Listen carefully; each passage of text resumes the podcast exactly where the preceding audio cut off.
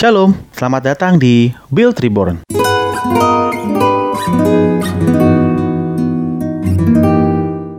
Selamat pagi. Gimana kabarnya teman-teman? Semoga baik ya. Pagi hari ini kita akan membahas tentang kitab pengharapan. Ya, kitab pengharapan. Teman-teman pasti tahu kan? Yuk sama-sama kita buka Roma 5 ayat 1 sampai 11, kita akan membacanya bersama-sama. Sebab itu kita yang dibenarkan karena iman kita hidup oleh damai sejahtera dengan Allah oleh karena Tuhan kita, Yesus Kristus. Oleh dia kita juga beroleh jalan masuk oleh iman kepada kasih karunia ini.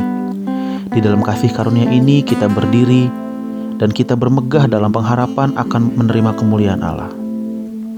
Dan bukan hanya itu saja, kita malah bermegah juga dalam kesengsaraan kita, karena kita tahu bahwa kesengsaraan itu menimbulkan ketekunan dan ketekunan menimbulkan tahan uji, dan tahan uji menimbulkan pengharapan, dan pengharapan tidak mengecewakan, karena kasih Allah telah dicurahkan di dalam hati kita oleh Roh Kudus yang telah dikaruniakan kepada kita.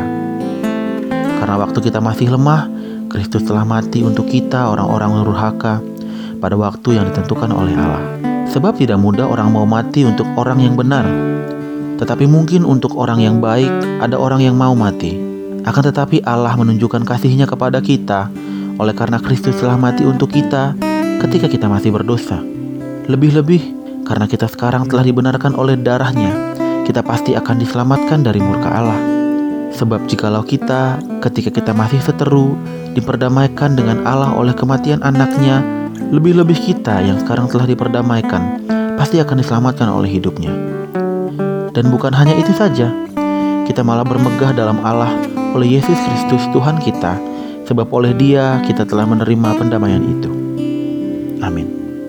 Dalam tulisannya di majalah Texas Co-op Power, Donna Chapman menggambarkan sukacita yang timbul di perkebunan keluarganya pada tahun 40-an. Setiap kali katalog barang dari Montgomery Ward datang, mereka sering menyebutnya buku harapan. Karena halaman-halamannya dipenuhi dengan gambar barang-barang, mulai dari pakaian, tungku masak, sampai model dan berbagai peralatan masak. Nuansa katalog yang hangat dan bersahabat seperti yang mengundang orang untuk menggambarkan gaya mereka hidup, bekerja, dan berpakaian saat itu, serta gaya yang mereka harapkan kelak di hari-hari mendatang.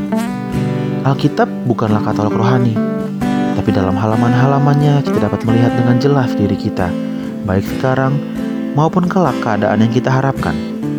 Alkitab adalah kitab pengharapan Allah dalam Roma 5, Paulus berkata, kita bermegah dalam pengharapan akan menerima kemuliaan Allah, bermegah juga dalam kesengsaraan kita, dan bermegah dalam Allah oleh Yesus Kristus.